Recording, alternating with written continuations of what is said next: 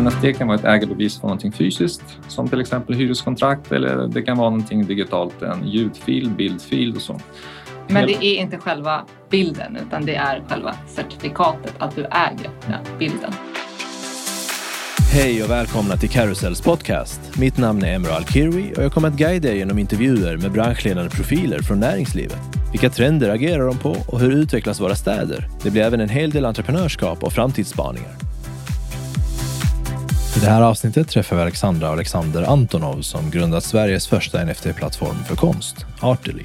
Vad innebär det då? Vi ska dels göra ett försök att förstå vad NFT är för något, hur det håller på att ändra den traditionella konstbranschen och vad vi kan dra för paralleller till fastighetsbranschen. På vilket sätt kommer vår verklighet att påverkas och hur mycket behöver vi veta på individnivå för att inte halka efter? Finns konkreta användningsområden för NFT värda namnet? Vi kikar även på vilka trender Artily ser i närtid och hur man kan hålla sig uppdaterad. Trevlig lyssning! Carousel är en ny fastighetsrådgivare med fokus på kommersiella fastigheter. Våra uppdragsgivare är allt från börsnoterade fastighetsbolag till mindre familjeägda sådana. Vi kombinerar personlig service med tech, vilket gör oss snabbare och mer träffsäkra i våra uppdrag. Vi hjälper fastighetsägare med uthyrning, utveckling och transaktion. Läs mer på carouselgroup.se. Hej Alexander, Alexandra, välkomna. Tack så mycket. Tack, tack. Vi börjar direkt med övergripande om Artely. Vad är ni för bolag? Vi är ett, eh, som vi brukar säga, arttech-bolag med konstnärlig verksamhet. Mm. Och ehm, när, hur länge har ni funnits? Vi har grundades 2017 och har eh, sålt originalkonst sedan dess online. Och nu senast så har vi lagt till NFT-konst. Intressant. Hur kom ni in på det här? Kan ni berätta lite kort om er? Ja, det började faktiskt ganska länge sedan. Eh, Mina föräldrar är konstnärer båda två och eh, det har alltid funnits behov att hjälpa dem att marknadsföra deras konst. Och egentligen, jag, vi har jobbat med konst online i över 20 år. Ja, sen, det. Mm. sen internet började. För att när internet kom så öppnades helt nya möjligheter att för konstnärer marknadsföra sig. Man kunde liksom skaffa sig en hemsida och lägga ut sina senaste konstverk och på det sättet eh, mejla till sina stamkunder och, och säga, ja, berätta om att det finns nya verk som de kan gå in och titta på. Så det är lite, lite så det började alltihopa. Först egentligen med mammas hemsida och sen egentligen hennes kollegor och så satt jag med 40 sidor som jag satt och kodade för hand. Och eh, sen träffades vi jag och Alexandra och egentligen började bygga den första Konstplattformen. ja, för svensk konst Mm. som heter då swedishart.se. Och då var meningen att alla konstnärer kunde på ett väldigt enkelt sätt få en egen hemsida och allt de publicerade syntes på centrala portalen och vi marknadsförde dem. Och ja, vi kom upp till en- 400 konstnärer hade vi på konstportalen. Ja, ungefär så började det. Mm. Är det främst svenska konstnärer eller är det även öppet för andra? Ja, det är bara egentligen för konstnärer som är ba- baserade i Sverige. Om vi går lite djupare in på själva konstbranschen. Vi kommer koppla den lite till eh, hur fastighetsbranschen fungerar. Eh, Det finns en hel del likheter, tycker vi, och eh, såklart NFT. Men hur, hur påverkas konstindustrin av den digitala utvecklingen generellt? Egentligen på två viktiga sätt. Det, det ena är att när konsten finns online så finns den ju tillgänglig för alla. Och det är väl en jättestor skillnad mot tidigare. Gallerier och konstinstitutioner finns oftast i stora städer och då är de ju bara tillgängliga för de som befinner sig där. Flyttar konsten online så finns den ju då för alla. Det spelar ingen roll om du bor i Kiruna eller någon annanstans. utan Den finns för alla. Så det är en grej.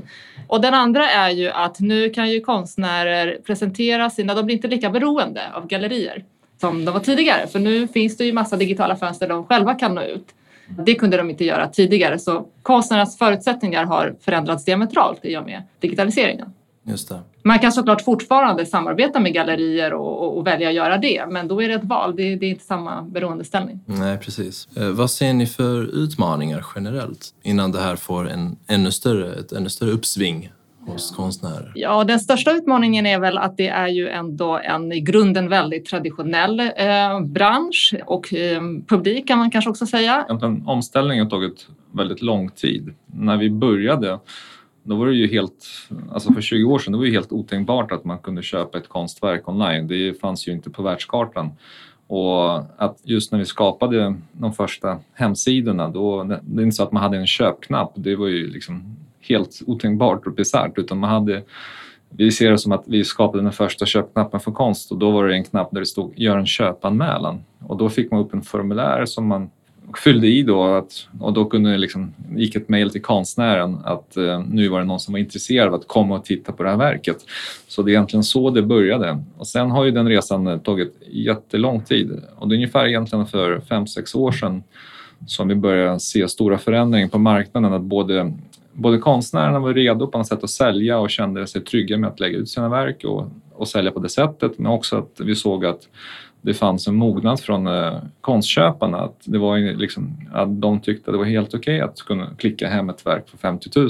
De var redo? De var redo. Så att där, jag jobbade på Barnebys också som håller på med samla antikvitet, antikviteter och jobbar med konst. Och datan visade just hur omställningen var liksom skedde och Bukowski också visade upp fantastiska siffror för deras online-satsningar att onlineförsäljningen började liksom gå om det fysiska. Och då såg vi att nu, nu är marknaden redo. Och då gjorde vi den här satsningen Artrelin för att så då, då, kände vi, då såg vi verkligen på siffrorna att både köparna var redo och konstnärerna var redo för, för den omställningen. Vart är branschen på väg tror ni och eh, vart är ni på väg? Vi är på väg in i metaverse, skulle man kunna säga.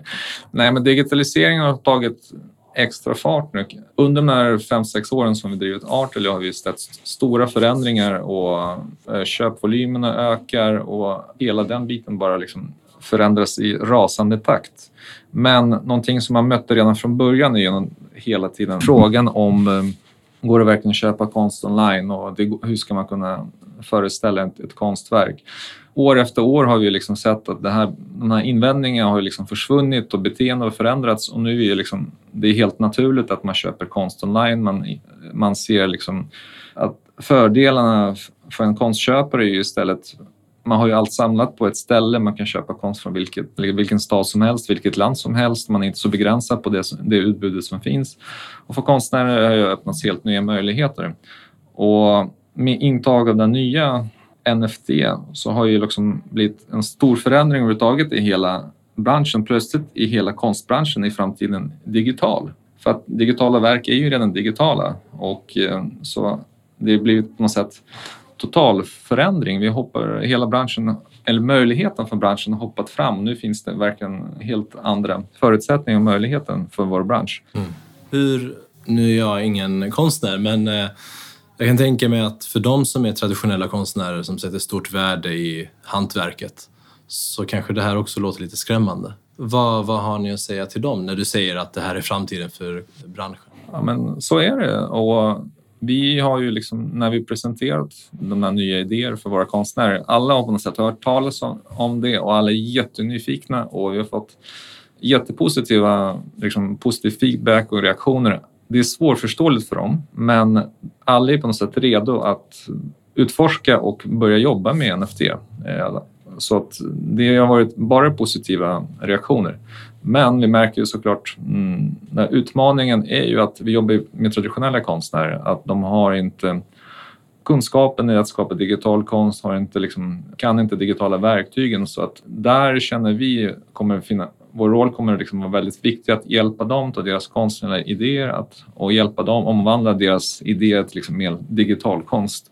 Mm. Men sen är det ju också så att det, det, finns ju inte egentligen så mycket konst i NFT-världen om man säger så. Det vi ser de här aporna och det, det är ju det är något annat egentligen. Det är ju samlarbilder och då handlar det ju mycket om att konstnärerna helt enkelt har förtroende för oss och att vi kommer ta ut den här konsten på ett bra sätt som, kommer, som vi kommer representera deras konstnärskap på ett bra sätt. Mm. På tal om NFT, vad är det egentligen om ni får beskriva det med era ord? Ja, det är ju väldigt komplext ämne att kunna sammanfatta men någonting som är viktigt att särskilja direkt är ju liksom när vi pratar om, oftast när man pratar om NFT så tänker man på liksom NFT-konst men NFT är faktiskt någonting helt annat. NFT är en, egentligen en, ett nytt sätt att äga saker. NFT är ju, handlar om att det är digitala ägars, ägarbevis för någonting. Och eh, så NFT kan vara ett ägarbevis för någonting fysiskt som till exempel hyreskontrakt eller det kan vara någonting digitalt, en ljudfil, bildfil och så. Men det är inte själva bilden utan det är själva certifikatet att du äger den bilden. Precis. Och hela teknologi bygger på att NFT, de här digitala certifikaten, de sparas på kan man säga, en modern databas som kallas blockkedja. Och blockkedja är ju ett bara smartare, modernare sätt att lagra information och data, alla de här eh, digitala certifikat på ett säkert och modernt sätt. Och sen för att kunna köpa och sälja NFT, de här digitala certifikaten, så behöver man kryptovaluta. Och egentligen, egentligen, det är bara en valuta som är kopplad till den specifika blockkedjan. Så NFT är ju, om man summerar digital ägarbevis till någonting. Det kan vara fysiska föremål eller Digital. digitala föremål. Mm. Och när man pratar inom konst och pratar liksom NFT-konst, då pratar man att det är ett certifikat att man äger ett digitalt konstverk. Och man grupperar egentligen så NFT är ju egentligen verket som man på något sätt äger via det certifikatet. Okej, okay, så att vad gör en NFT värdefull? Här är ju de här två delarna. Om det vi pratar om liksom NFT som digital ägarbevis så är värdet är ju kopplat till... Till föremålet som, ja. som det här digitala ägarbeviset är associerat till. Ja. Och om vi pratar om digitala konstverk, eh, NFT som digital konst, då är värdet egentligen på samma sätt som för vanlig konst. Att eh, det är utbud och efterfrågan, är det känd konstnär, är det känd representant, galleri som står bakom så skapas värdet för NFT-konst på samma sätt som för vanlig konst. Du nämnde kryptovalutor. Vad, eh, kortfattat, vad är kopplingen mellan NFT och kryptovalutor? Men kopplingen är väl att en NFT köps som en kryptovaluta. Du kan inte, du kan inte köpa en NFT utan att ha kryptovaluta. Mm. Ja. Yes. Ni nämnde tidigare att eh, framtiden är eh, inom den här sfären och de dyraste objekten idag det är ju uttråkade apor, kortfattat. Kostar flera miljoner utan att vara kopplade till direkta användningsområden. Tror ni att detta kommer att fortsätta eller kommer NFT-projekt snarare att utgå från användningen som råkar kanske vara snygga illustrationer ibland? Nu förstår jag att konst i sig är konst och man kan tolka mycket som konst. Men jag tänker generellt för NFT-branschen. Tror ni att användningsområdena kommer bli allt viktigare eller kommer det fortsätta vara illustrationerna i sig som är det primära? Men det är lite... kommer nog vara både och. Ja, både och. Man ska se de här aporna, det är lite grann som eh, det är väldigt enkelt. Det är ju samlarbilder. Det är ungefär som baseballkort eller ishockeykort. Om du tänker liksom, oh, Wayne Gretzky kort kanske kostar en miljon dollar och det är liksom de som samlar på dessa kort, det är den här klubben runt dessa kort och värdet uppstår ju liksom eh, att det här är första kortet och så vidare. På samma sätt är det med de här aporna. Och nu, nu för tiden, jag vet inte vem kommer betala en miljon för baseballkort, kanske någon fan. Så att man kan ju se att det är någonting, så länge det är hett och när community runt omkring är intresserad och skapar värde så finns det värde men det, på, på, på, något sätt så bör ju det mm. klanga av med tiden. Men tar man digital konst till exempel så är digital konst är ju inget nytt. Digital konst har ju funnits hur, hur länge som helst men skillnaden nu är att tidigare kunde man inte riktigt äga digital konst för det är ju så, man kan ju bara ta en skärmdump och ladda ner en bild och, och så men nu med NFT så kan man ju verifiera det är jag som äger eller någon annan. Man kan se vem som är äg ägaren. Så det är väl det som är värdet för själva bilden om man säger så. Extra värde som du pratar att man kan ju liksom koppla mervärde till olika NFT på olika sätt.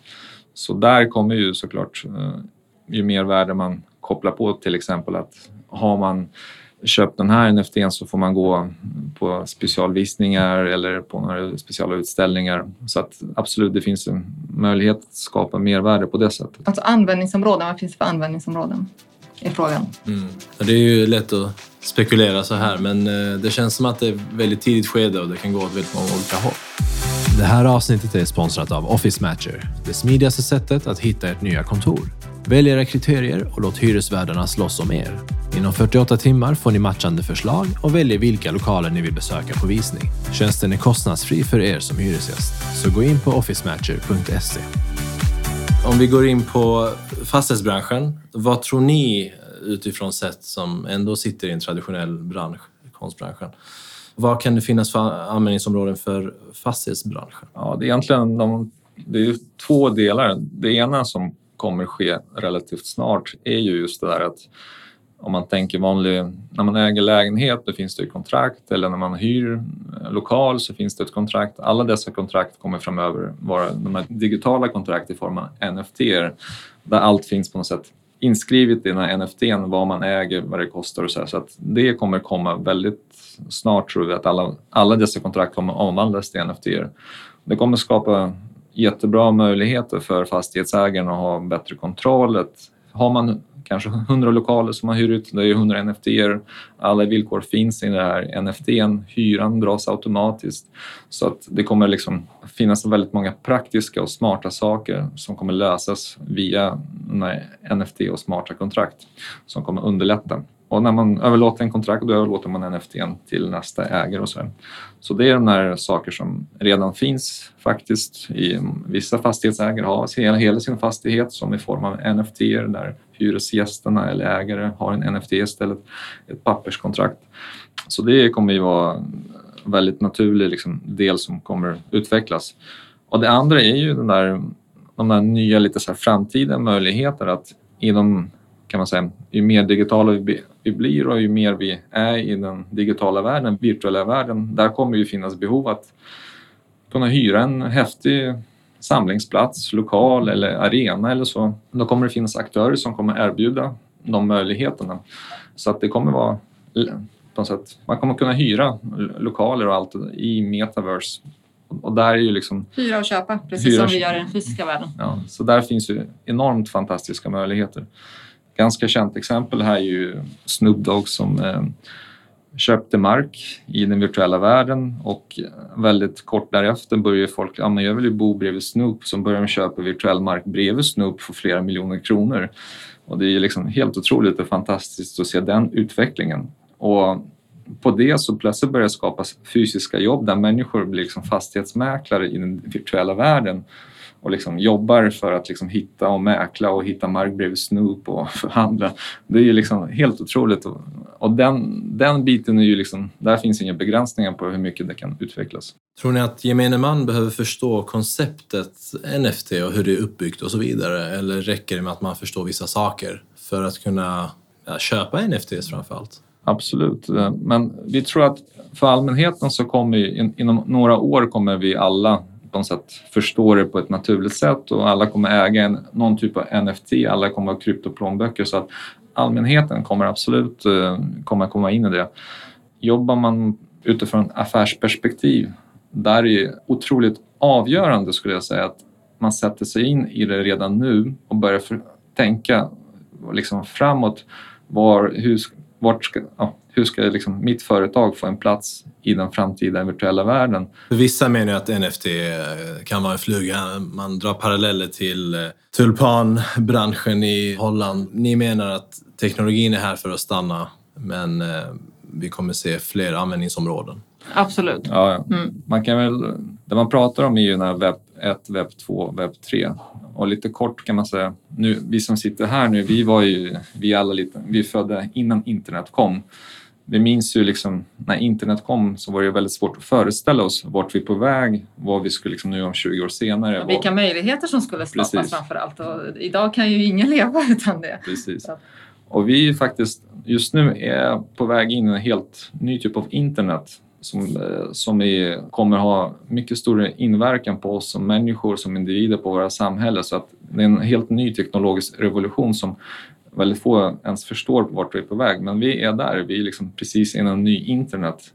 Och om man greppar det och förstår det så har man väldigt mycket att vinna framöver. Så det är nog otroligt viktigt att man liksom sätter sig in i det hela. Sen är det ju ingen som vet hur exakt det kommer utvecklas, vad som kommer hända, men att det kommer hända, att det kommer fortsätta, det, det kommer det bli. Mm. Vad ser ni för trender i närtid? Vi har gått in en hel del på vad som är aktuellt, konstperspektiv och så vidare. Är det andra trender som ni ser i närtid här?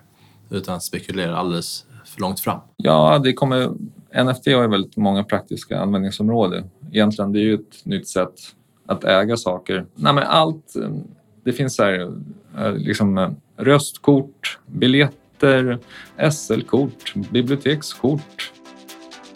Okej, okay, men eh, om jag vill köpa digital konst hos er, vad, hur går jag tillväga? För det första behöver man en, en kryptoplånbok. Och det är faktiskt lite så som lite förr i tiden, man hade en plånbok, man hade lite pengar där och så hade man foto på sina klasskamrater. Så en kryptoplånbok är ungefär på samma sätt. Man har sina kryptopengar där och så har man sina NFT, NFT-bilder samlade på ett ställe. Så steg ett är att man skaffar sig en eh, kryptoplånbok. Steg två är att man laddar den med kryptopengar så att man kan köpa. Och steg tre är ju att man går till en plattform som säljer NFT, kopplar upp sin plånbok och väljer den ja, NFT som man vill ha och, eh, och köper den. Och då hamnar det i din kryptoplånbok. Så att var du än går så är, har du den, de alltid med dig och det är bara dina NFT och ingen kan liksom ta ifrån dig. Du, du äger dem själv. Mm. Lite kortfattat. Trevligt. Har ni några slutgiltiga ord som ni vill att vi rundar av med? Ja, en, en rekommendation är ju faktiskt att sätta sig in i ämnet NFT, metaverse. Jag tror att eh, det är viktigt bara i det praktiska livet men eh, jobbar man, har man, ett företag så kommer det ge det väldigt viktigt försprång framåt. Så att man bör gärna lägga lite tid på det och utbilda sig inom ämnet. Det kommer mm. ja, men eh, var öppen för det, var lite nyfiken faktiskt och eh, läsa på lite, var, var mm. lite nyfiken. Och det är svårt och det är komplext. Jag tror eh, man ska nog på något sätt minnas hur det var innan internet och verkligen inte vara den som säger att internet är en fluga utan på något sätt öppna upp sin, sig själv för det här nya och eh, försöka liksom förstå och komma in i det hela.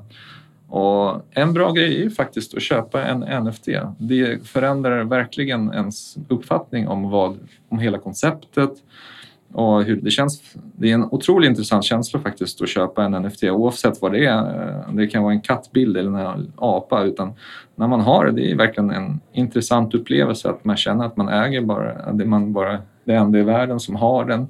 Det finns... Eh... Du menar att, att, om, man, om man köper en NFT så kan man liksom eh, uppleva det själv och förstå hur det här värdet som mm. skapas mm. i, i, med att äga mm. en NFT? Så steget eh, för att lära sig lite det är egentligen att hoppa in och köpa något? Absolut. Ja, det är kanske andra steget. Först, först kanske bara, bara våga närma sig ämnet och vara lite öppen och nyfiken. Och det låter komplicerat men, men eh, det är inte så jättekomplicerat när man väl börjar närma sig. Nej. Och hur börjar man? Vad är det första man borde göra om man, är, har, om man inte alls har koll? Nej, vi har lanserat en väldigt intressant, en av ja, första svenska kollektionen av svenska NFT-konst skulle man kunna säga med tio etablerade konstnärer. Så att är man verkligen intresserad av eh, konst och NFT-konst så att kika in hos oss. Ni, ni kommer hitta fantastisk svensk konst i form av NFT. Och att köpa första NFT från den första kollektionen är ju en väldigt här, unik chans. Och det här är ju också första NFT av dessa konstnärer. Den där chansen kommer aldrig tillbaka sen. Så det är liksom unik kollektion som är spännande och att äga en NFT från den är ju väldigt ja, intressant framåt. Då tackar vi så mycket. Tack själv.